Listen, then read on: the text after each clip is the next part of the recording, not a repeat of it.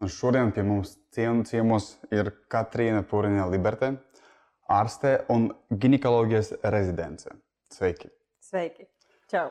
Jā, prieks, ka esi šeit pie mums. Un šodien mēs eh, ar tevi ļoti gribam parunāt par sievietes izdēkšanu, par um, grūtniecību periodu, uh, par seksualitāti sieviešu vispār. Un... Parunā par visu to, ko viens sakarīgs ginekologs mūsdienīgi redzošs var uh, iespējams pareflektēt, lai tā, mm, nu, tāda, manuprāt, tomēr pietiekoši nozīmīgs izaicinājums sievietes dzīvē, rod kaut kādu tādu harmoniskāku kontekstu tai viņas kopējā seksuālā pašizpratnē un dzīves labklājībā, gan individuāli, gan partnerattiecībās, un arī, es teiktu, sociālā ņemot vērā, ka izdedzis jau drīz būs, ja ne katrs, tad katrs otrais noteikti, mm. un vismaz vienreiz dzīvē to piedzīvojis. Un, un visi trauksmes simptomi un vispārējais, ar ko mēs saskaramies, noteikti arī nekādā veidā to baigi neatbalsta un nepalīdz. Nu, tā kaut kā runāsim, un tad skatīsimies, kas mums sanāk. Forši.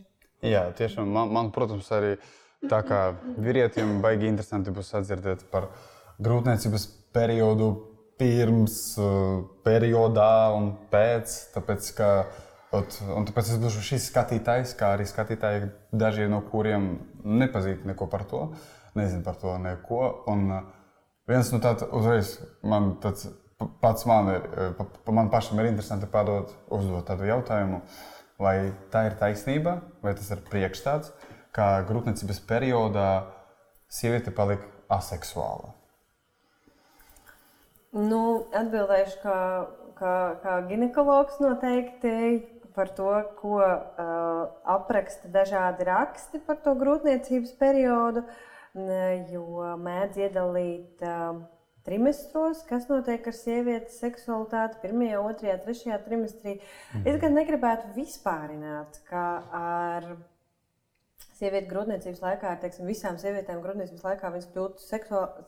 Aseksuāls vai tieši pretēji seksuāls. Mm -hmm. Ļoti, tāpēc, ka mēs jau saprotam, ka seksualitāte ir ļoti individuāla lieta. Yeah. Un vienai uh, šīs hormonālās pārmaiņas viņas ķermenī eh, var radīt eh, eh, tādu simptomātiku, ka vairāk gribās sēdēt pie toaletes poda un vēmt, un ir slikta duša, un ir nelabums, un ir nespēks. Nu, kāds tur kāda tur seksualitāte piedzimusi. Ja? Bet savukārt citām īpaši šie, šie, šis hormonālais fons nekādā veidā neietekmē viņas.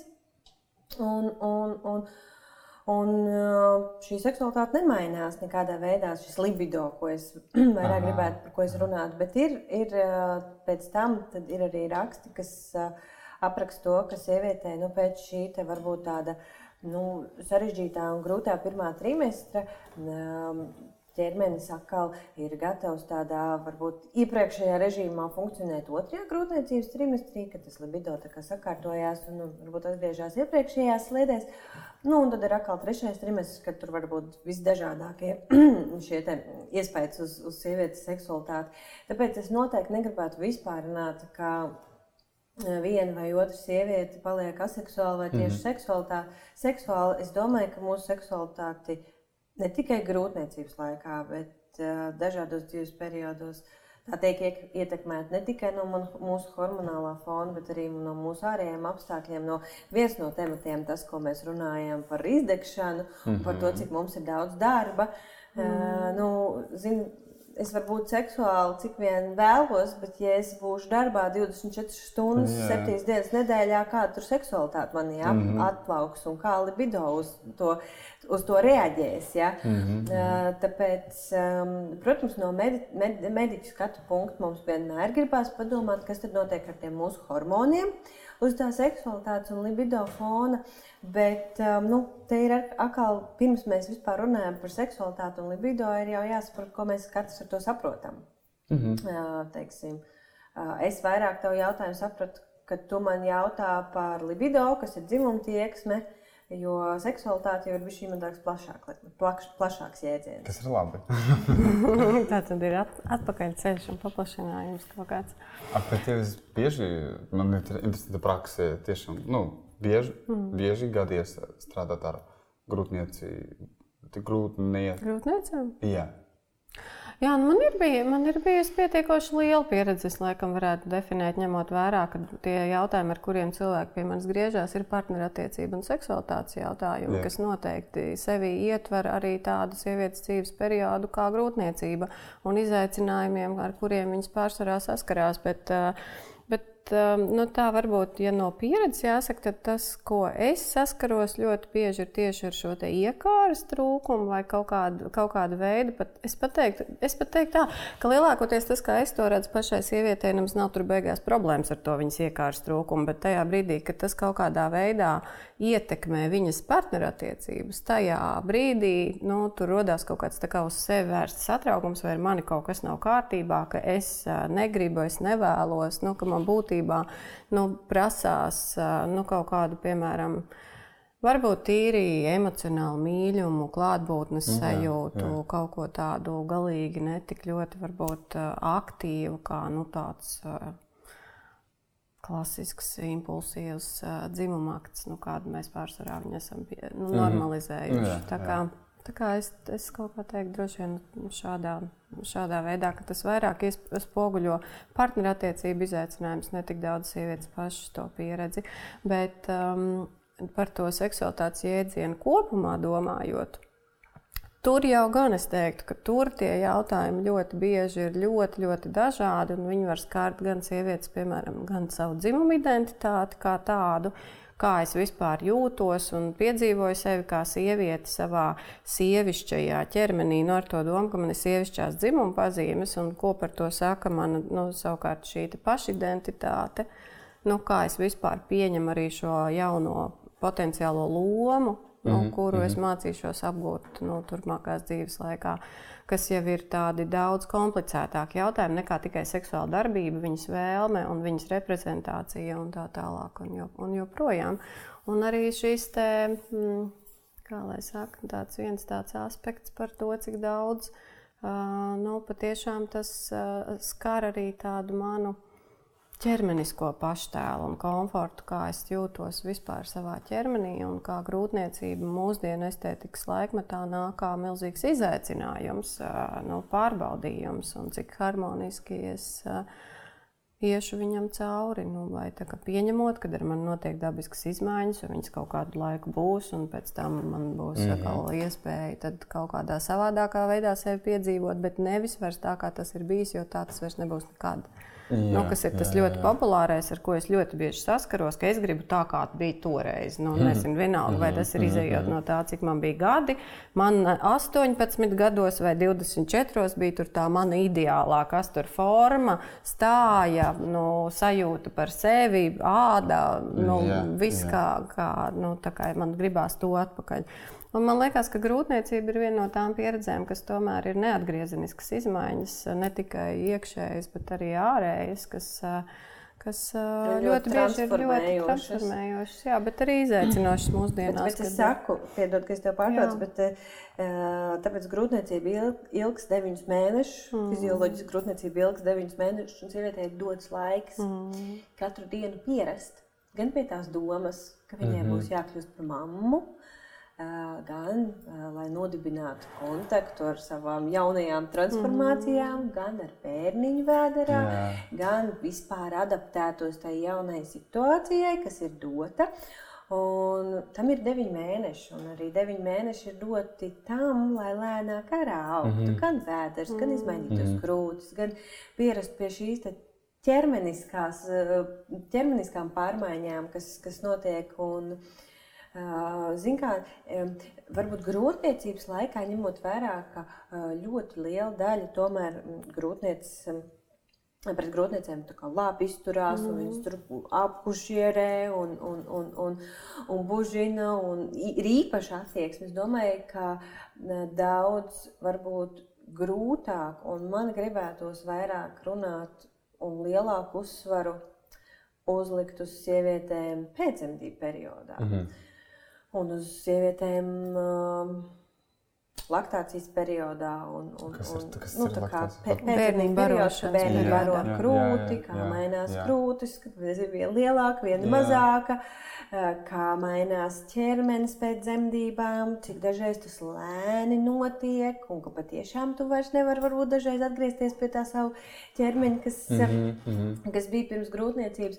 Un es domāju, ka vismaz savā pieredzē es esmu saskārusies ar mm, sievietes jautājumiem gan par savu seksualitāti, gan par savu ķermeni, gan par savu libido, libido daudz vairāk saskārusies pēcdzemdību periodā nekā grūtniecības laikā. Mhm, mhm. Jo grūtniecības laikā man šķiet, ka sievietē ir tik daudz pārmaiņu, tik daudz emociju. Katru dienu ir vienkārši 150 jaunas emocijas, sajūtas, gan fiziskas, gan emocionālas. Viņi iet tādam karuselim, tādām pārmaiņām cauri. Eh, Viņi ir arī diezgan emocionāli un visu, kas notiek gan iekšējā, gan ārējā pasaulē, varbūt uztver nedaudz sakāpinātāk nekā mēs, kas na- nav grūtniecības posmā ā, šajā brīdī. Un tāpēc es, ā, mm, tas ir forši, ka mēs runājam par to, bet es tomēr lielāku uzsvaru savā pieredzē ā, seksualitātes un libido jautājumos vēlētos likt uz sievietēm pēcdzemdību periodā. Kā, ā, ļoti daudz laiku aizņem rūpes par mazuli, ļoti maz laiks ir attiecībām ar savu partneri. Mhm. Uh, ir grūti pieņemt šīs ķermeniskās pārmaiņas. Uh, Viss kaut kas tur notiek, uh, dzemde tīrās laukā, krūtīs visu laiku ir Mhm. piens. Un, un, un, un, un ir tāda tā jocīga sajūta par to, kā, kā, kā, kā tas būs. Nu, un, un, un, un kur nu vēl domas par to, kā šī tāda varētu būt pievilcīga, iekārojama un, un, un, un, un vēl kaut kādā veidā pieejama attiecībām. Jā. Ja? šajā periodā. Domāju, tur, protams, tas nav visiem, bet es domāju, ka tie ir, tie ir jautājumi, kas notiek pēdē- pēcdzemdību periodā. ā, Notiek ar katru sievieti, bet es savos kursos dzemdību vienmēr pasaku pārim, jā, tā būs, ta- tas būs rītīgi liels pārbaudījums jūsu attiecībām, šis te pēcdzemdību Mhm. periods, bet uztveriet to kā jaunu piedzīvojumu, kā jaunu pieredzi, kur šīs te fiziskās, ķermeniskās pārmaiņas, kur šīs pārmaiņas tam, ka varbūt mums nav laiks um, fiziskai tuvībai, jebkurā dienas laikā, kā ir bijis pirms tam, kad bērniņš nav bijis. Uh, tas varētu būt jūsu jauns izaicinājums Mhm. attiecībām un skatīties nevis uz to kā uz problēmu, bet uz piedzīvojumu, kā mēs šo varētu risināt, kā mēs, ko mēs varētu darīt. Kā, Kas kā- lielai daļai struktūrētu pāri arī iedod no ārkārtīgi daudz resursu, kā paplašināt arī savu izpratni, piemēram, par savām seksuālajām attiecībām. No kā vispār arī paplašināt savu, piemēram, pieņemsim tādu tīri cilvēcisku pieņemt spēju. Nu, vai man mm. ir vajadzīgs tikai konkrēts veidols, un es esmu atkarīgs, piemēram, vai atkarīga no savā seksuālajā brīvībā, no tā, kā es izskatos, vai kā mans partneris izskatās. Mm -hmm. Vai mēs spējam gūt baudu, būt jutekliski, būt maigi, būt interesanti viens otram, neraugoties vai nepiešķirot tik ārkārtīgi lielu nozīmi tam, kā mēs izskatāmies. Jo būtībā aizvarot acis, mēs uh, spējam sajust arī ar pārējiem maņu orgāniem. Un būtībā ķermenis ir juteklisks un galīgi viņam nevajadzētu būt atkarīgam no šīs vizualizācijas. Kaut gan no lielā daļā gadījumā tas ir nu, kaut kāds tāds šķērslis, kur mēs pieņemam, ka tam ir jāizskatās tā, tas funkcionēs tā. Tas mūs uztur ir tīpaši par iekāri, kad mēs runājam, jo tie mūsu psihiskie procesi jau nevienmēr pakļaujas tai mūsu gribai. Un es fantazēju iespējams par kaut kādu to vienu fizisko veidolu, kurš man tur bija. Tai partnerei kaut kad, un pa pašai arī varbūt liekas, ka tad es sev pati likos iekārojamāka, seksīgāka, foršāka. Mm. Man pašai jau bija patīkamāk pieskarties, un tā kā es ilgojos pēc tā. Un tagad es paskatos, un jo vairāk es skatos tajā spogulī reizēm, jo vairāk man tā kā negribās tur redzēt to, kas tur ir. Un savukārt man ir viena tāda, tāda ļoti aizkustinoša pieredze bijusi tieši darbā ar, ar, ar ķermeni. Um, strādājot ar sievietēm, lai atgrieztu šo iekāri pret sevi, kur tiek um, atgriezt arī šī spēja redzēt sevi savādākā formā, kas nāk tiešām caur pieskārienu. Uh, ka mēs skatoties uz sevi, visas tās, jo pārsvarā kā es teiktu, tā man liekas, ka katrai rietumu sievietei par, par pārējām eh, grūti spriest nebūs tik kompetenti, bet lielākoties katrai rietumu sievietei ir tie melnie kvadrāti saucamie, kuri klejo pa ķermeni, šitien man kaut kas nav kārtībā, te kaut kas pa lielu, te kaut kas pa mazu, un tad sanāk tāds sadrumstalots, ja mēs viņus tiešām izņemam ārā, sanāk tāds caurumains cilvēks, kuram ļoti lielas daļas ķermeņa nav. Tas nozīmē, ka, piemēram, vienalga kaut vēl ko sev pār kāju, man te ir celulīts, man sanāk tā kā tur nekā nav, es tur nedrīkstu just un atgriezt šo kopējo reflektēt spēju uz savu ķermeni. Nu, tā, kad es to savu ķermeni mīļoju, viņš man ir viens un vienots.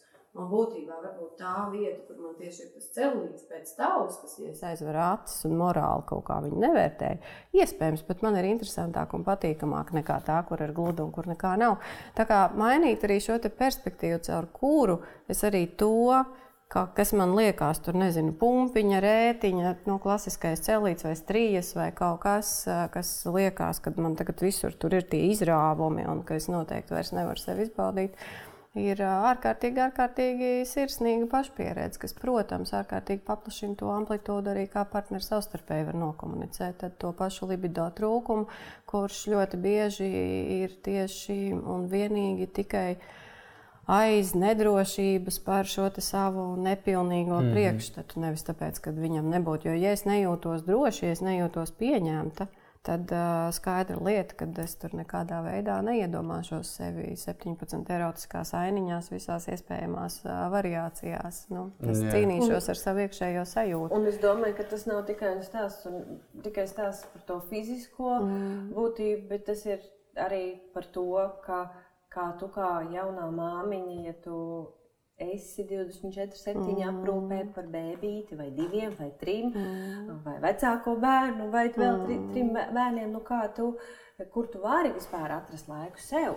Jā. Uh, un, un, un tikai pēc tam mēs runājam jā, par attiecībām, par attiecībām. Ja nevar atrast laiku par attiecībās ar sevi, mm. kādas vēl attiecības ar partneri un mm. kāda vēl dzimuma dzīve, vai kāda vēl, nu, ne jau tikai un vienīgi akts ir attiecībās mm. ar, ar, ar, ar vīrieti, bet tur bieži vien mums būtu jāreal, jānorealizē tas, ka um, šajā posmā bieži vien laiks nav ļoti, ļoti daudz lietām.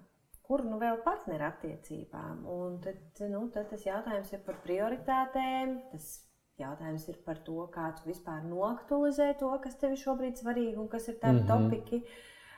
Jo bieži vien nu, pirmajos mēnešos topiks ir vislielākais topiks ir bērniņš. Un, Un, un, un bieži vien to arī var izšķīst tajā bērniņā, tādā mm -hmm. ziņā, ka tu visu sevi atdod Jā, vairāk nekā pazaudējot, mēnešus, jā, pazaudējot jā. sevi, savu identitāti, savas mm -hmm. partnerattiecības, savas draudzības, hobijus un karjeru un tā tālāk.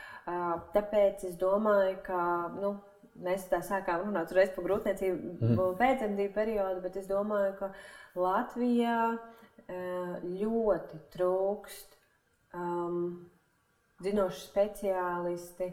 Uh, internetu un, un citi raksti uh, par to, um, nevis varbūt ko, ko iesākt ar, ar, ar libido vai sievietes seksualitāti, mainoties viņas ķermenim grūtniecības laikā, bet kas tieši notiek ar sievieti pēc dzemdībām, uh, kur viņi ir izgājuši cauri šai ķermeniskajai pieredzei.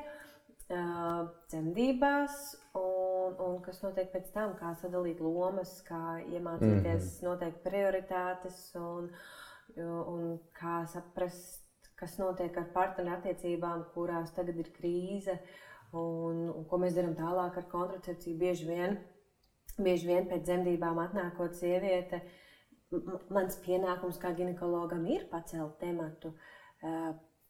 Kas notiks tagad ar kontracepciju 6-8 nedēļas pēc dzemdībām, kā jūs plānojat tās dzimumu dzīvi, kā, ko, kādu kontracepciju izvēlēties. Tad, fu, es par šo vispār nedomāju. Tagad pastāstīja, kas, kas, kas.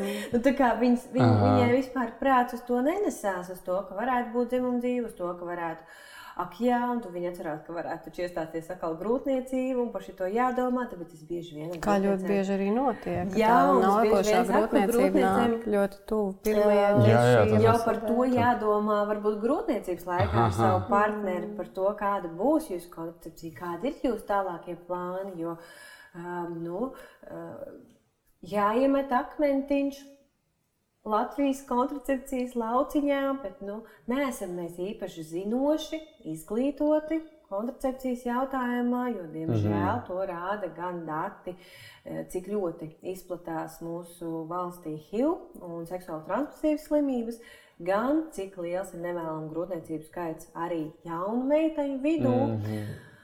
Un, um, nu, kāda arī koncepcijas metode mēs parasti izvēlamies šajā valstī? Diemžēl visi šie trīs uh, topi, tur mēs ieņemam pirmās vietas nevisai pareizās izvēlēs. Un tas liecina par to, ka mūsu uh, zināšanas un izglītotība koncepcijas jautājumiem visai, jautājumos ir visai vāja.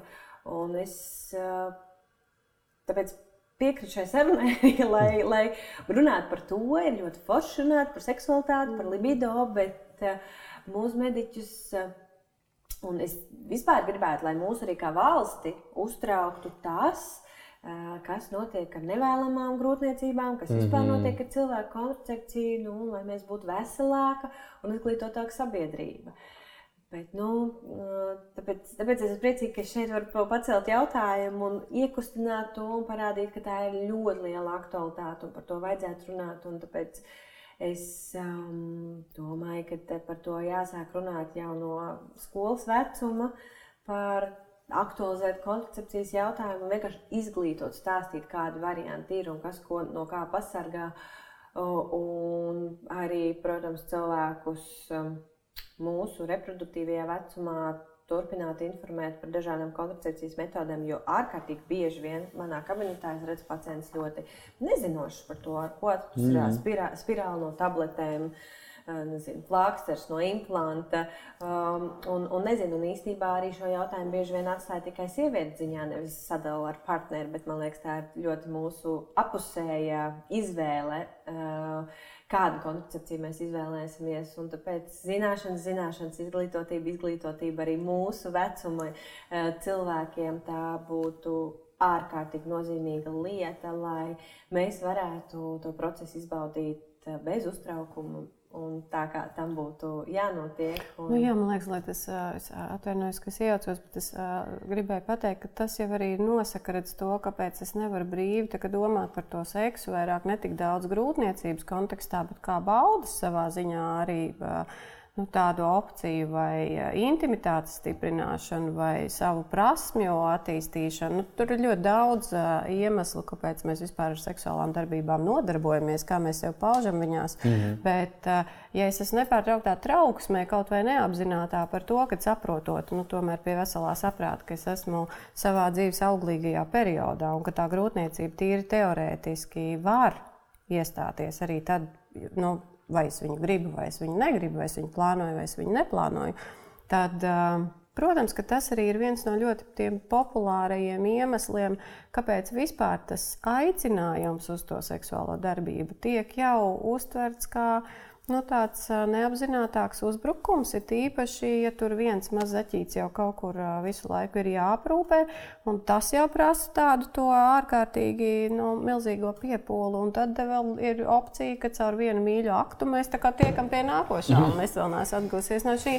Nu, tas ir tas, ar ko es esmu saskārusies, ka ļoti bieži kontracepcija, kontracepcija un šis drošības jautājums uh, ir superīgs, bet manuprāt, viņš tomēr met tādu negatīvu ēnu uz seksuālu tuvību slimību kā tādu, jo tad sanāk, ka man ir nepārtraukti jābaidās, ka es palikšu slima vai ka iestāsies grūtniecība. Man, es tomēr gribētu domāt, ka tas nav pamat iemesls mūsdienu sabiedrībā, kāpēc cilvēki vairs ar seksu nodarbojās. Bet drīzāk šī izpratne, ka kontracepcija ir kaut kas, kas man var sniegt tādu lielāku brīvību, kā es varu arī to savu seksuālo darbību piedzīvot un, mm -hmm. un lielāku, uzņemoties lielāku atbildību par to, ka es eh, nekādā veidā neie, nu, es, nenovedīšu sevi līdz pieredzēji, kurā iespējams nav tā, ko es šobrīd savā dzīvē tīri elementāri gribu piedzīvot, gan arī tomēr tas ir ļoti bieži partnerattiecību jautājums. Uh, nu, kā es to sajūtu tajā partnerības kontekstā, kad viena lieta ir mana pašpiedzīvošana, mana veselība un uh, mana bauda, bet otra lieta ir iesaistīta tajā otru cilvēku, kur ir šī līdzatbildība. Un viens no tādiem jautājumiem, ar ko es bieži saskaros tieši partnerības aspektā, ir joprojām Latvijā šī populārā sievietes atbildība par kontracepciju.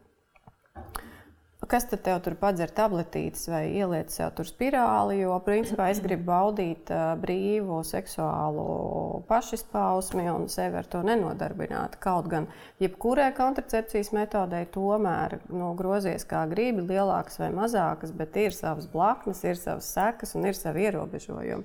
Un, manuprāt, tas ir tāds ārkārtīgi jutelīgs jautājums, bet šī Latvijas tendenciozā joprojām sievietei deleģētā atbildība, ka viņa ir ielikās ir jāpasargā vīrietis no nevēlamas grūtniecības, no seksuālām slimībām un, un arī no pārtrauktas baudas, ir kaut kas, kas, manuprāt, tiešām ir, ir ārkārtīgi arhaiski un, mm -hmm. un mhm. kur mēs arī visos rādītājos atkal izceļamies ar kaut kādu pilnīgi neadekvātu šo te, nu, mūsdienām tiešām neadekvātu redzējumu. Nu, ja es tomēr ar to seksuālo darbību nodarbojos ar otru cilvēku, tad tas nekad nevar būt tikai mans atbildības vienpersonisks jautājums. Tas vienmēr būs mūsu kopatbildības jautājums. Un katrai pusē tur ir savi 50% un savas iespējas. Un, tā kā, tā kā es pilnīgi liekas... piekrītu. Es varu būt ar visām rokām pār to, ka arī mūsu partneri domātu uh, tikpat lielu procentu mm. skaitu un iesaistītos un diskutētu un runātu. Un bieži vien mm. šādās diskusijās un sarunās var piedzimt tas, ka viens grib bērniņu ātrāk, viens grib bērniņu vēlāk, yeah. viens, yeah. viens negrib kādu laiku, viens grib izsargāties no slimībām, cits grib izsargāties no grūtniecības. Un īstenībā ar šīm sarunām, kādu koncepciju mēs izvēlēsimies, var, var piedzimt ļoti, ļoti daudz varbūt jaunas jaun, jaunu topiku, par ko runāt. Un es gribētu vēl nonormalizēt to, ka ne tikai tādās ilgstošās partnerattiecībās mēs ļoti viegli runājam par kontracepciju, bet īsnībā, kā mēs zinām, arī jauniešiem, viņiem diezgan kaislīgos momentos bieži vien pēkšņi ir ideja mm -hmm. par, mhm. par, par, par šīm jā, attiecībām. Jā, jā. Bet ka būtu ļoti forši, ka jau saprotot, ka kaut kas tāds notiktu, cilvēki, jaunieši par to sākt runāt kā tad, kā tad tas būs, ja mums, mums tas notiks, eh, ko mēs darīsim. Ja? Un, un ka tā būtu normalizēšana, nevis uh, pašsaprotama lieta, teiksim, puisim, ka viņiem ir līdzi prezervatīvs vai meitenei. Vēlams, ka abiem diviem ir līdzi un abiem nav beidzies derīguma termiņš. Jā, jā, jā. Izturēsies cauri pildspalvu vai vēl kaut kas. Jā, jā, jā. Tas būtu brīnišķīgs, ja, ja, ja jā. mēs par to spētu jā, viegli runāt, bet uh, lai mēs spētu runāt par kontracepciju, par dzimumu aktu, par attiecībām viegli, tam ir no kaut kurienes jārodās. Mums ir mm -hmm. jāsāk par to runāt. Mums ir jāsāk, kā, kā bieži vien, kad man jautā, kā uh, mammai un tētim runāt ar bērnu par mm -hmm. viņa nezinu, dzimumu orgāniem un par viņa par ļoti primitīviem jautājumiem par to, kā rodas bērni. Uh, es saku viņiem ieteikumu bieži vien izrunāt savā starpā, vai kaut vai pie spoguļa, vai kaut vai ar draugu, lai tas no tevīm sāk nākt šie vārdi, kā Jā. tas notiek, lai mēs vispār sākam mācīties par to runāt, tīri ver verbāli. Jā. Nevis kaut kur domāt, kaut kur rakstīt, Jā. bet lai tas skan, skan un izskan. Kā, kā sauc mūsu dzimuma orgāns, kā jā, mēs mīlējamies, jā. lai tas izskan. Lai tu pajūties kā, kā ar savu draugu vai ar draugu, kā, kā tu jūties tos vārdus sakot, kā tu jūties par to runājot. Lai tajā mirklī, kad tu runā ar bērnu, vairs nav tas mulsums, vairs Jā. nav tā vārdu meklēšana, bet tas nāk vienkārši un viegli. Un tajā mirklī, kad bērns redzēs, Jo viņiem tas nāk vienkārši un viegli. Viņi mm. nedala, viņiem nav tas mūzums, kas ir mūsu. Yeah. Tas droši vien atkarīgs no cik vecs ir tas bērniņš. Es teiktu, ka tas mūzums jau piesaugās diezgan ātri, ap 8, 9 gadiem. Mēs jau sākam pamanīt, ka šajos te, nu, tādā pirmspubertātes vecumā, ka mums sākas parādīties simpātijas, mēs tomēr sākam izšķirt kaut kā, kas man simpatizē, kas nē, mēs tā gluži neitrāli. Um, nespējam vairs par šo runāt, kas ar tomēr ir jāatzīmē, ka cilvēka seksualitāte ir stigmatizētākā no cilvēciskiem nu, pašpiedzīvošanas aspektiem. Līdz ar to, ar to vienmēr ir nācis. Un droši vien tuvākajā 500 gadē vēl nāks komplektā kauns, kas ir dabiska reakcija. Jo man liekas, ka es runāju par kaut ko, kam nav šai sociumā vietas, par kaut kādu savu aspektu, kurš kā kaut kāda iemesla dēļ ir, bet it kā nedrīkstētu tomēr būt. Un man liekas, ka tam, ko tu sāki, baigi forši, ja mēs pievienojam tās, to nebaidīšanos no nērtības, no tām kauna jūtām. Jo nebūs jau arī nu, iedomājoties sevi tā spoguļa priekšā vai sevi arī ar to partneri runājot.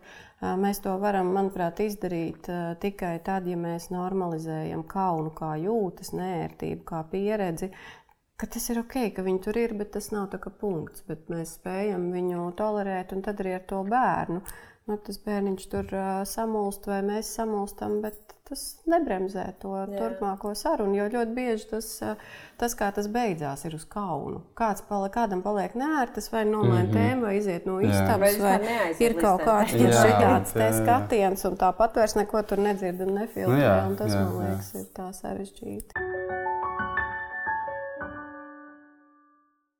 Nu jā, tā kā es testu, ka man, mana pieredze bija tā, ka arī ģimene par to nebija runāts. Nu, es teicu, ka iepriekš, ka mm. mā, mana mamma vienkārši viena diena risināja man ieslēgt tādu multfilmu izglītošu par to, kad es biju ļoti jauns. Nu, nu, nu, Neceros, cik man tur bija gadi, un tas man bija stresaini diezgan, tāpēc, es nevaru saprast, tā pēkšņi nenokā. Nu, nu, jā, no out of konteksta, nu tā jā, vienkārši jā, jā. pēkšņi nekā jā. cepam pankauks, skatāmies tur, jā, jā, es nezinu, talkšāvu un pēkšņi bladāts. Man, bija, man nebija nekad nejausmas, jā. Mm. jā.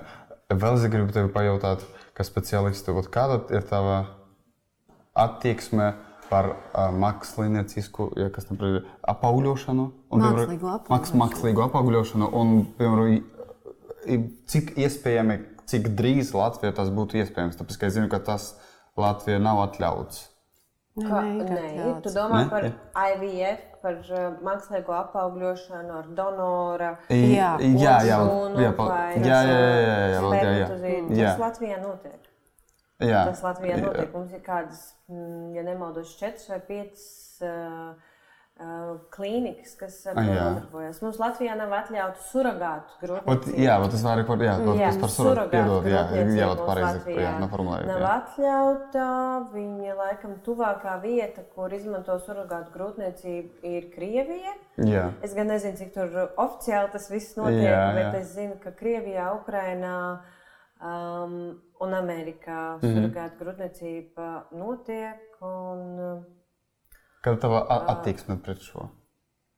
Kāda ir mana ļoti interesanta? Tikko vienkārši tikko runājām par seksualitāti, un pēkšņi par surgātu grūdienu. Tā redz, ir ar to seksualitāti. Nu, tā man mētājās vienkārši kā tā. Kāpēc varbūt samazinot to tēmu, kas man ienāca prātā savēlkot tā kā kopā to, di to dialogu, nu, piemēram, reāls topiks, ar ko es esmu saskārusies, ir ar krūts barošanu nu, kas, manuprāt, nu, tādā sašaurinātā variantā varētu reprezentēt to. Es rūpējos par savu krūšu formu, un, lai saglabātu to, es izvēlos ar krūtis barošanu nenodarboties. Kas arī ir būtībā mans morāls lēmums, mana izvēle, saprotot, ka es kaut ko liekšu savam bērnam. Uh, Un, un tas iemesls, nu, es pieļauju, arī ir tikpat kutelīgs. Nu, no ārpuses reizēm nolasās, nu, vai tagad tas tā forma un tas vizuālais mm -hmm. ir mhm. pietiekošs attaisnojums,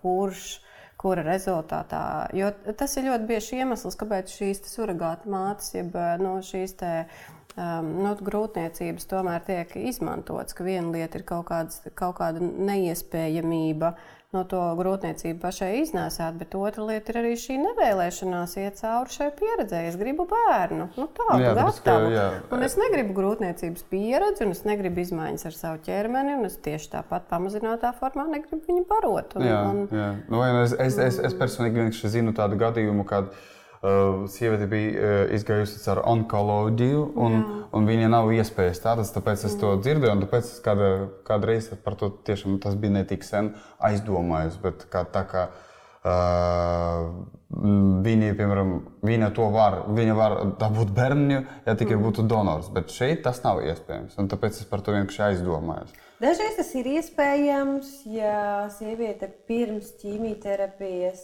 ir uh, sasādējusi savus uh, ulšus. Mm -hmm. tādu, tādu opciju piedāvā onkologi, ka pirms uzsākt ārstēšanu. Mm gan sievietēm, gan vīriešiem savas dzimumu šūnas saglabāt.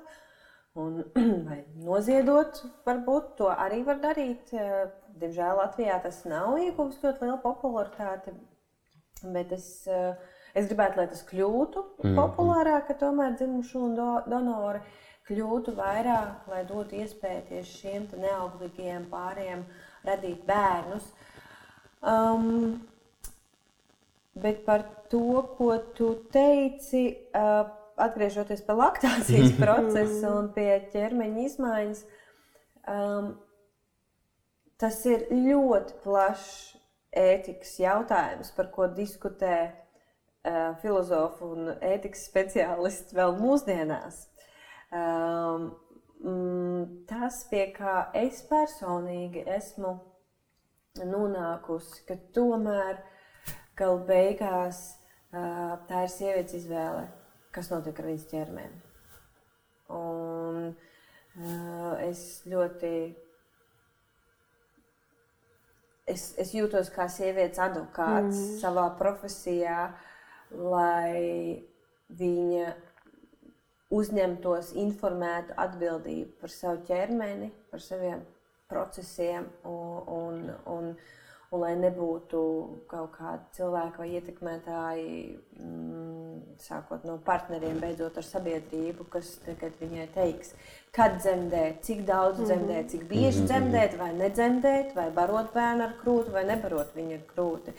Uh, man šķiet, ka sabiedrība nereti pa daudz uh, tā radikāli iesaistās diskusijās par to, cik cik būtu kaut kāda norma, cik viņai dzemdēt, cik tā būtu norma, cik, cik varot bērnu krūti. Bieži vien es esmu arī certificēts dziedīšanas konsultants jau desmit gadus, un man ir sanācis ļoti daudz sievietes krūtsbarošanas laikā konsultēt, un tas Uh, interesantais jautājums un, un, un tēma, par ko mēs bieži vien runājam ar māmiņām, ir, ka ir kaut kāds moments, cik ilgi sabiedrība uzskata, cik ilgi ir adekvāti barot bērnu ar krūti. Un mm. tad pienāk moments, cik ilgi jau vairs nav adekvāti barot ar bērnu ar krūti. Bet eh, te mēs atgriežamies eh, pie Pasaules veselības rekomendācijām, eh, organizācijas rekomendācijām, kuras tad pastāsta, ka no veselības puses, cik te būtu rekomendējams bērniņam ilgi bēr, zidīt mācu pienu. Un, un, un bieži vien tas ir, um, tas ir ilgāks laiks, nekā vispār mūsu sabiedrība ir gatava. Mm -hmm. un, un tā, un tāpēc uh, es bieži vien sievietei uzdodu šo jautājumu, cik, tu, cik ilgi tu pati esi gatava, cik ilgi, ko, ko, ko bērns, kā tu jūti savu bērniņu, uh, uh cik ilgi viņš varbūt cik kāda ir tā jūsu apusēja sadarbība par to, cik ilgi tas laktācijas process būs. Un nu, es, es domāju... varbūt tikai piestarpināšu, ka tas jau īsti arī nav tāds brīvs gribas jautājums. Tas reizēm, no nu, es arī pēc savas pieredzes varu teikt, tas jau nevienmēr ir saistīts ar mūsu labo gribu. Tas ļoti bieži var arī fizioloģiski mainīties, un tās iespējas jā, var nebūt. Tur var mammas ļoti par to pārdzīvot. Un, un man būtu man labā griba, un es gribētu tur barot līdz uh, izdaudzinātajiem četriem gadiem. Bet uh, kur tur es jau pēc gada saprotu, mm -hmm. ka uh, īsti jau vairs nav, tad bērnam jādzīvo pusbadā. Jā, un tajā pašā laikā visu laiku kaut kādos mm. formos parādās diskusijas par to, vai tu esi laba mamma, vai tu esi slikta mamma, vai, tev, vai kaut kādā mērā tevi var nodefinēt par labu vai sliktu mammu, kā tu baro, kā tu dzemdēji, kā tu iznēsā bērnu, bet es, man pārliecība ir, ka tam nav definīcijas, kādas ir mūsu izvēles, kā iznēsāt, kā piedzemdēt, kā barot bērniņu, cik ilgi viņu zīdīt vai nezīdīt. Tā ir ļoti trausla sievietes individuāla izvēle, kura ir tikusi ietekmēta no tik daudz viņas dzīves pieredzēm, no viņas bērnības, no viņas attiecību pieredzes, no viņas ķermeniskās pieredzes, no veselības. Viņas tur ir tik mm -hmm, daudz mm -hmm, aspektu, kā sieviete ir nonākusi līdz tam, lai izvēlētos dzemdēt, nedzemdēt, dzemdēt daudz, dzemdēt maz, barot, nebarot. Tur ir ļoti daudz aspektu, kāpēc sieviete varētu izdarīt tādas izvēles. Uh, vai viņi, vai viņi ir informēti par savām izvēlēm, vai viņi ir bijuši pietiekami daudz šī aprūpas speciālisti, kas izskaidro, pastāsta plusus, mīnusus, blaknes, kontraindikācijas tam, kas ar viņu notiek un kā mm -hmm. radīt, kā, kā ieņemt, kā barot bērniņu. Un, un tā. tas, es domāju, ka tas ir tik. tik um, liels temats un, un, un mūžīgs temats, kā, kā atgriežoties pie pirmsākumiem par to, cik, cik ir norma dzimuma dzīvē. Nu, man mm -hmm. liekas, jūs noteikti šeit esat diskutējuši par to, cik, ka, kurš, kā, kāda ir norma. Uh, seksa biežumam, attiecībās, nu, mēs saprotam, ka tas var būt tik individuāli jā, jā, jā. un attiecību laika posmos, cilvēku vecuma posmos. Tas ir es pat esmu tik ilgās attiecībās, ka es redzu, ka cik tas ir mainīgs relatīvs lielums, eh, kas notiek ar tām savstarpējām seksuālām attiecībām, ka tas ir ļoti, ļoti individuāli. Mm -hmm. Par šo, uh, Katrīna, domājot par um, tomēr Latvijas sievietes šādu te, nu, tu minēji savu tādu sajūtu, kad ir šī vēlme būt Latvijas sievietes advokātei. Kā tu jūti, tev ir arī dūlošanas pieredze, kas ir savā ziņā nu, tāda mēģinājums stiprināt sievieti viņas kaut kādā šajā dzīves periodā, kad viņai varbūt šī atbalsta nav. Kā tu jūti, mm, kas ir tie varbūt tādi vājie posmi, nu, kur tieši tā mūsu mentalitāte nospēlē uz to. Jo mums ir diezgan, es teiktu, nu, nav, protams, atkal dati pētījumi, tralalā, tralalā, bet tomēr es domāju, mēs vienu otru, otru zinām un, un redzam. Mums ir draudzenes paziņas un mammas un, un omas un, un, un kolēģis. Un šī sievietes nedrošība un nepārliecinātība arī pašai izvēlēties kaut vai, piemēram, kur es dzemdēšu, ar ko kopā es dzemdēšu cik es ieklausos arī dzemdību, piemēram, procesā, tajā, ko man saka ko man darīt, un cik es paļaujos uz to, ka es jūtu, ko man vajag darīt. Un, ja man saka kaut ko, ko es nejūtu, cik es atļaujos konfrontēt, jo viena no ļoti biežām tēmām, ar ko es esmu saskārusies, ir, kad ir šīs bailes pat doties dzemdēt. Nevis tāpēc, ka dzemdībās ar mani kaut kas notiks, bet tāpēc, ka man būs jācīnās. Jācīnās ar vecmāti, jācīnās ar ārstu, jācīnās iespējams pat arī ar to vīru, kuram ir viedoklis, nu, vai partneri, kuram ir viedoklis, kā man vajadzētu to mūsu bērnu piedzemdēt. Bet tomēr nu, tā sieviete ir tā, ar kuras ķermeni notiek tas process, un sievietes apziņa ir tā, kur spēj tvert šos signālus, kurā virzienā es eju, tur, kur man iespējams būtu labklājīgi iet, un kuras tomēr izpildot šos norīkojumus, pie, ap, nu, sa, iepriecinot šos dažādos viedokļus un apmierinot šīs ārējās vajadzības, varu ļoti sevi satraumēt un iespējams daudz pieredzes piedzīvot. Nu, gan sākot no paša bērniņa ieņemšanas līdz grūtniecībai, līdz dzemdībām un pēcdzemdību periodam aiziet galīgi šķērsnām, kas iespējams manai individualitātei nedara, ne ir vajadzīgs, ne arī rezultātā. Kur tur kāds labums ir tiem pārējiem? Kā tu jūti tieši šī daudzām blakus stāvējusi un ar, ar nu, tomēr drosmīgi es pieļauju, ka šīs sievietes tiesības nevis tikai deksmē, bet arī darbos aizstāvējusi, lai mm, kur es tur mēs klūpam? Neuztveru savu darbu kā kaut kādu aizstāvības formu, bet es, man bija, kad es dūloju, jo tagad es vairs par dūlu nestrādāju, tad es vairs to, vairāk to uztvēru kā tādu būšanu līdzās, būšanu līdzās, būšana blakus un, un atbalsts tajā, ko viņa dara, nevis ne, ne, ne, nekādā mērā necīnoties. Uh, Tā kā es domāju, ka bieži vien uh, atbalstošām personām, zinot savus robežas, arī vajadzētu saprast, ka tā būšana līdzās ir ārkārtīgi nozīmīga un svarīga. Bet atgriežoties, tas bija tāds maziņš, lu, lu, lu, tas bija tāds maziņš, maziņš, maziņš piebilde par to, ko tu teici, atgriežoties par to, kāds varētu būt mūsu mentalitātes vājais posms. Es domāju, ka tā latviešu viensētnieka daba, tas, ka latvietis um, ir individualists. Uh mhm. -huh. Un man šķiet, ka tādā brīnišķīgā, atbalstošā, drošā aprūpē sieviete, jebkurā no savā, savas dzīves posmiem, varētu justies labi, ja būtu iesaistīts tāds komandas darbs. Ja sieviete var atbalstīt uh, ne tikai ginekologs, bet arī vecmāte, psihologs, dūla, pepmama, ģimene. Tā ir vesela atbalsta komanda. Katrīna, es esmu pilnīgi pārliecināta, ka katrs ginekologs, kurš ienāk dzemdību zālē un, un satiek to brīnišķīgo dāmu, kur tagad tur dzemdēs, ir ar šo pārliecību, ka es viņai palīdzu, es viņai saku, tu tagad velc, tagad stum, tagad rauj, tagad šito un tagad to. Un es tiešām, nu, man vismaz tāda labā griba, viņš ka viņš to dara. Ka mēs darbosimies komandā. Jā, tas, to, tas ir labs jautājums. Tāpēc tas ir labs jautājums. Kur tu sajūti tieši tajā sievietē pašā es, to, ka... Mācoties medicīnu, es ieraudzīju to, cik svētīgs var būt multidisciplinārs darbs mm. komandā.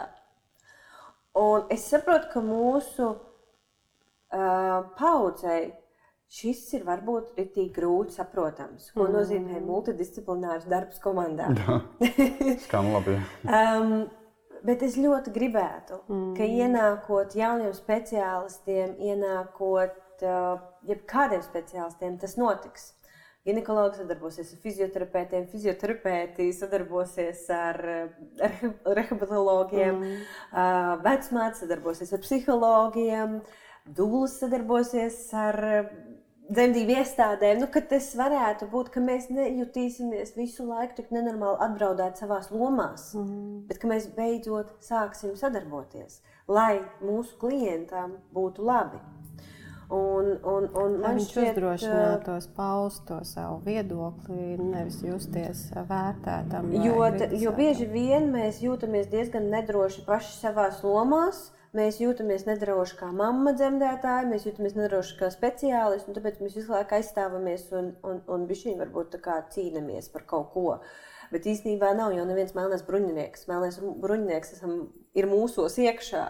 Bet, ja beidzot mēs saprastu, ka šis tāds komandas darbs īstenībā jau no sākuma, jau no dzīves sākuma bērni kad, kur sadarbojās skolotāji, kur sadarbojās skolas māsīņa, psihologs, ka viņi jau rada vidi par to, kā mēs uh, skaidrojam bērniem dažādas jautājumas, kā mēs viņus izglītojam, kā mēs viņus audzinām.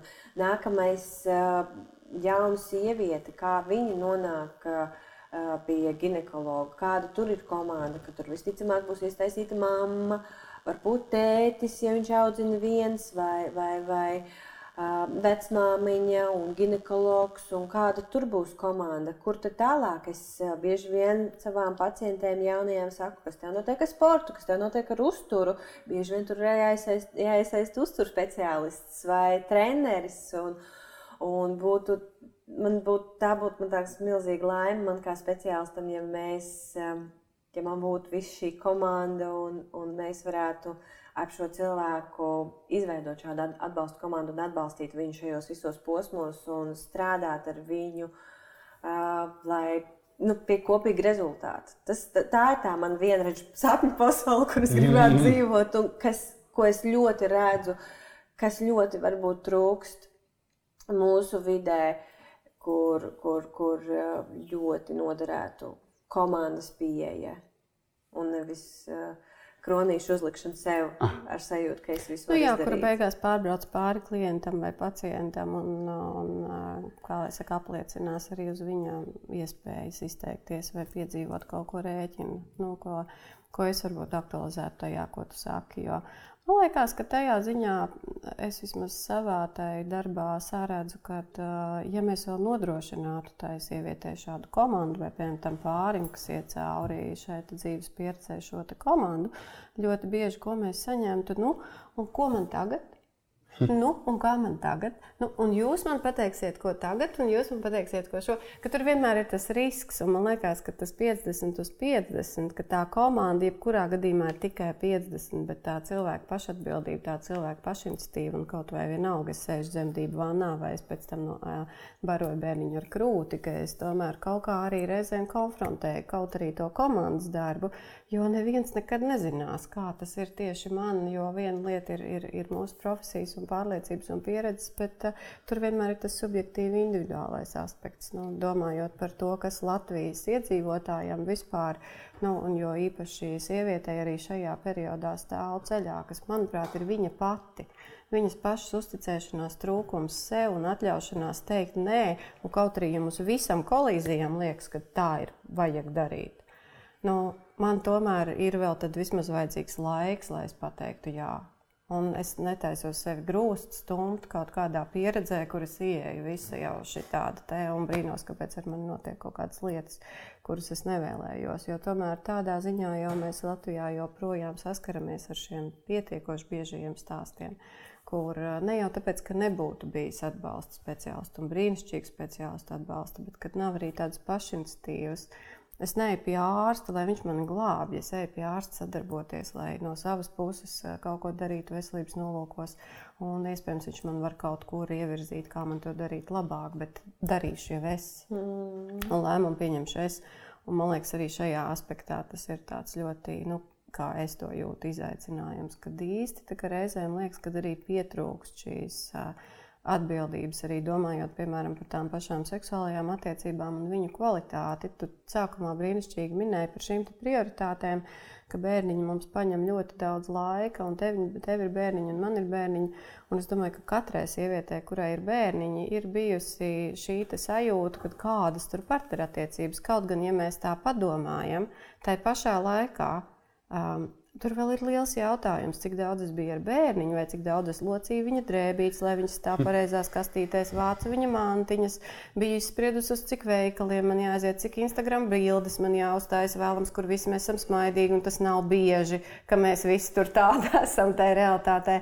Un cik daudz mums aiziet tās enerģijas, un laika un intereses kaut kādās darbībās, lai tā māja būtu spoža, spilgta un vēl kaut kāda, un tur tagad būtu tās trīskārtu vakariņas, vai tur es nezinu, tāds kaut kāds pilnīgais uzturs.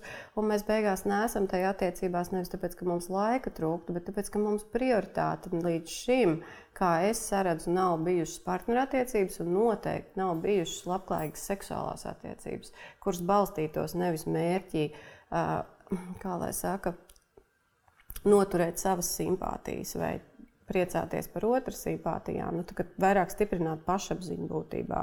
Mēs viens otram patīkam, gribam seksu, tā tad viss ir superīgi, abi divi esam forši cilvēki. Bet vairāk, kur mēs to seksuālo darbību un to savu seksuālo kultūru izkopjam kā resursu tajos brīžos, kad mēs iespējams nepatiksim viens otram, ka mēs būsim pēdējie divi cilvēki šīs planētas, kur gribētu sarunāties savā starpā, kur nu vēl tur kopā kaut ko darīt. Un tad vēl tajā ieintegrēt šīs jaunās lomas, kas tomēr arī nāk kā tāds tāds milzīgs no pārsteigums mums pašiem. Mēs jau ļoti bieži sevi atklājam. Tad, kad mēs viņās nonākam, ne jau mēs tur tā varam izdomāt, es būšu māma tāda vai es būšu tētis tāds. Nu, kas man liekas, arī ir tāds no nu, spēja tomēr paļauties uz sevi un savām prioritātēm. Nu, gan tajā, kā es piedzīvoju nu, savu grūtniecību, kā es piedzīvoju savas dzemdības, pēcdzemdību periodu, gan arī kā es piedzīvoju savas attiecības, ja reiz es viņās esmu. Un gal galā, kur tad mēs galu, nu, to enerģiju un, un to prieku gūsim? Ļoti reti, ka tai pārgumā tiem bērniem tas tā izdodas tik pašsaprotami. Protams, tur ir tie brīnišķīgie mirkļi, kur liekas, visu liek aizmirst. Bet tur ir arī pietiekoši daudz grūto mirkļu. Man liekas, tīri šī vērtība pārprioritizēšana nu, netik daudz, varbūt, kuru tur draudzenes vēl satikšu, vai kurā tur, nezinu, kā es tagad mammai izpatikšu, jo es zinu, ka viņi nāk ciemos un man atkal neizmazgāt tā grīda, un tad es ar tur ķē, to ķēnguru somu tur vēl kaut ko šrubēju un daros, bet es saprotu, ka būtībā, ja man un manam partnerim ir ok, Un tā grīda tur ir tāda, kāda ir uzvelk čības un iet. Toties mēs abi esam priecīgi un mēs joprojām gribam viens otram paskatīties acīs vai pasmaidīt viens otram un pajokot un padarīt kaut ko, kas mums nes kaut kādu gandarījumu tajā mazajos brīžos, kur ir nu, par šo te domājot. Nu, starp citu, Bet tu runā par sevis reflektēšanu, un tu runā par um, ļoti lielu darbu ar sevi. Un visi cilvēki tam ir gatavi. Un tāpēc um, tas mans aspekts par to komandas darbu bija par to, ka tie cilvēki no vairākām pusēm varētu paspoguļot to cilvēku, lai viņš sāktu domāt līdzi, sāktu lēnām apzināties sevi. Um, un, protams, pielāgoties, pielāgojoties katra cilvēka apziņas līmenim, strādāt ar viņu. Bet klau par Instagram un sociāliem tīkliem un telefoniem runājot. Jā. Jā. Uh, šī plaisa tieši kā tu jūti jaunajām mamām? jaunajiem vecākiem. Nu, jo vecā paudze nav Instagram paudze. Viņus tas īsti es neteiktu, kas kā es maz redzu 50 gadīgas sievietes, kuras ir. Manā mamma vecmāmiņa ir Instagram. Uzņēmušas. Es tieši domāju par to bērnkopības jautājumu, jo tas tomēr vairs nav, kad ir tie, nu, ar mazbērniem arī mazāk tomēr redzās visas šīs te. Kā tu sajūti to, tu pat arī tomēr esi sociālajos tīklos aktīvi. Kā tu sajūti tur tos riskus un izaicinājumus, kur tas ir varbūt forši, un kas ir mūsdienu pievienotā vērtība un milzīga iespēja. Un kur tas ir kaut kas, kas ir izaicinoši un riskanti un varbūt pat savā ziņā apgrūtinoši? Man nav vēl nodefinējies jautājums, ka man šķiet, mēs esam paudze, kas mācās dzīvot ar sociālajiem tīkliem mm. un to vidē. Jo, teiksim, ja mūsu bērni jau uzaug ar sociālajiem mm. tīkliem, mm. tad mēs esam paudze, uh, kas ir dzimusi 80. gados un atcerās, ka, ko nozīmē um, stacionārais telefons un telefona būdiņa Latvijas uz ielas. Jā, jā. Un, un es atceros, ka man bija pageris un kādi sociālie tīkli, ja, ka mēs esam paudze, kas ir mācās saprast, kāda ir ieguvuma, kādi ir riski, ko darīt ar Facebook, ko darīt mm. ar Instagram. Man pašai bija um, ļoti liels jautājums, ko darīt ar Instagram, ka, ko, ko, kas, kas man tas ir, kas, kas tā man ir par platformu.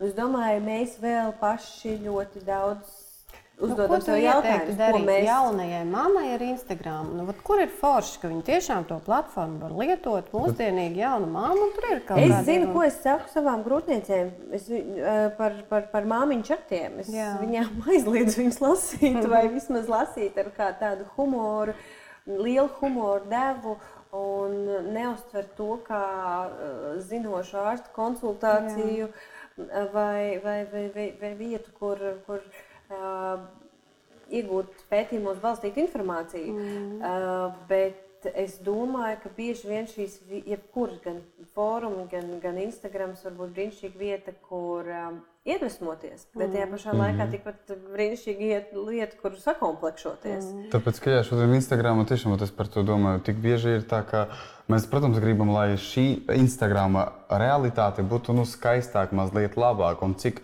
cik tas var būt traumatizējoši, ka tas nav pa brīžiem īstenībā. Nu, es sēžu tajā mājās, skatos to savu brīnišķīgo Instagram kontu un saprotu, ka nekas te apkārt par to realitātē neliecina. Nu, ja, ja tā, tad tas ir, protams, ļoti bedīgi. es domāju, ka cilvēkiem vienkārši vajag minimizēt sociālo tīklu ietekmi uz savu dzīvi un vairāk būt reālajā pasaulē mm -hmm. un taisīt sociālo tīklu detoksus. Mm. Es tik bieži ilgojos pēc podziņa telefona. Es tik mhm, bieži ilgojos pēc tā, cik man bija daudz vairāk laika, lai tiktos ar cilvēkiem klātienē, ar saviem mm. draugiem. Jā. Cik man bija daudz vairāk laika, lai lasītu grāmatu, kas Jā. ir taustām mm. grāmata. Un es bieži vien salīdzinu ar to laisko vidusskolas, augstskolas pirmo kursu periodu, kad es sēdēju Alkapučīno, lasīju, lasīju grāmatu. Jā Un tagad tas ir zudis, jo mēs glaudam to telefonu un ieskatāmies tajā, jā, jā. un mēs esam no viņa atkarīgi. Un tāpēc es domāju, ka tas ir ļoti liels izaicinājums, kā mēs to dozējam, kā mēs eh, dozējam ne tikai šo visu aplikāciju patērēšanu, bet arī viedokļus, kas šajā, šajās platformās parādās. Um, uztverot to, ka tiešām um, nu, varbūt tādu citu pasauli, saprotot, ka, ka, ka, ka tā nav reālā dzīve, bet mm -hmm. cik bieži mēs gribam tur kaut ko parādīt, kas, kam nav sakara realitāte. Tas ir instruments. Un atkal ir tas tā otra puse, kur ir tās mammas, kas grib parādīt to, to tiešām realitāti, realitāti, un tas, tām ir daudz sekotāju. Un, Un tās ir topā, bet, uh, bet tad, tad es dažreiz domāju, nu, kāpēc man patīk, kāpēc man patīk nolaikot kādu skaistu bildi. Mm -hmm. Mm -hmm. Nu, man patīk jā. tas cilvēks, viņu tur skaisti klēt, ievienot matu. Kāpēc arī nevar būt tas?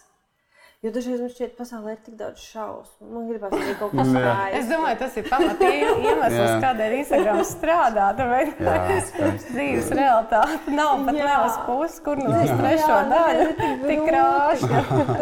Tu nevari to notolerēt, to dzīves mm. realitāti. Un, Un tāpēc gribās mazliet skaista. Mm. Un pat tās atspogļotās ciešanas tur liekas skaistas, jā. jo viņas pieder pie pasaules, jo tev viņas nav personiskā līmenī jāpārdzīvo. Nu, ko nu, pēdējais nu, pēdējais jautājums, jā, mums patika uzdot. Kā, kā tev šķiet, kāds ir seksuāli inteliģents cilvēks? Hmm. Tas ir labs jautājums. Viņai ir jāpadomā jo man nav sagatavota atbilde. Um, bet pirmā doma laikam par seksuāli inteliģentu cilvēku man šķiet, ka viņš ir domājošs, izglītojošs, izgl iz domājošs, izglītots un jūtošs. Mm. Domāšana un izglītotība ir saistīta ar to inteligenci, un seksualitāte ir ar jušanu. Jā, un sarunāt lai, lai, par ko arī sarunājas cilvēki. Jā. Nu, cilvēks runājas, ja viņi ir izglītoti. Jā, jā, jā. jā, jā, jā, jā, jā. Tieši tā. Droši vien katrs ko saprot. Paldies tev. Paldies tev. Nu, tāda saruna, tāda saruna, kāda es iedomājos. Mazums kāds man ir priekšstats par manu izglītību. Tiesībām vērt vaļā. Cēli, labi, paldies tev. Paldies tev, Katrīna.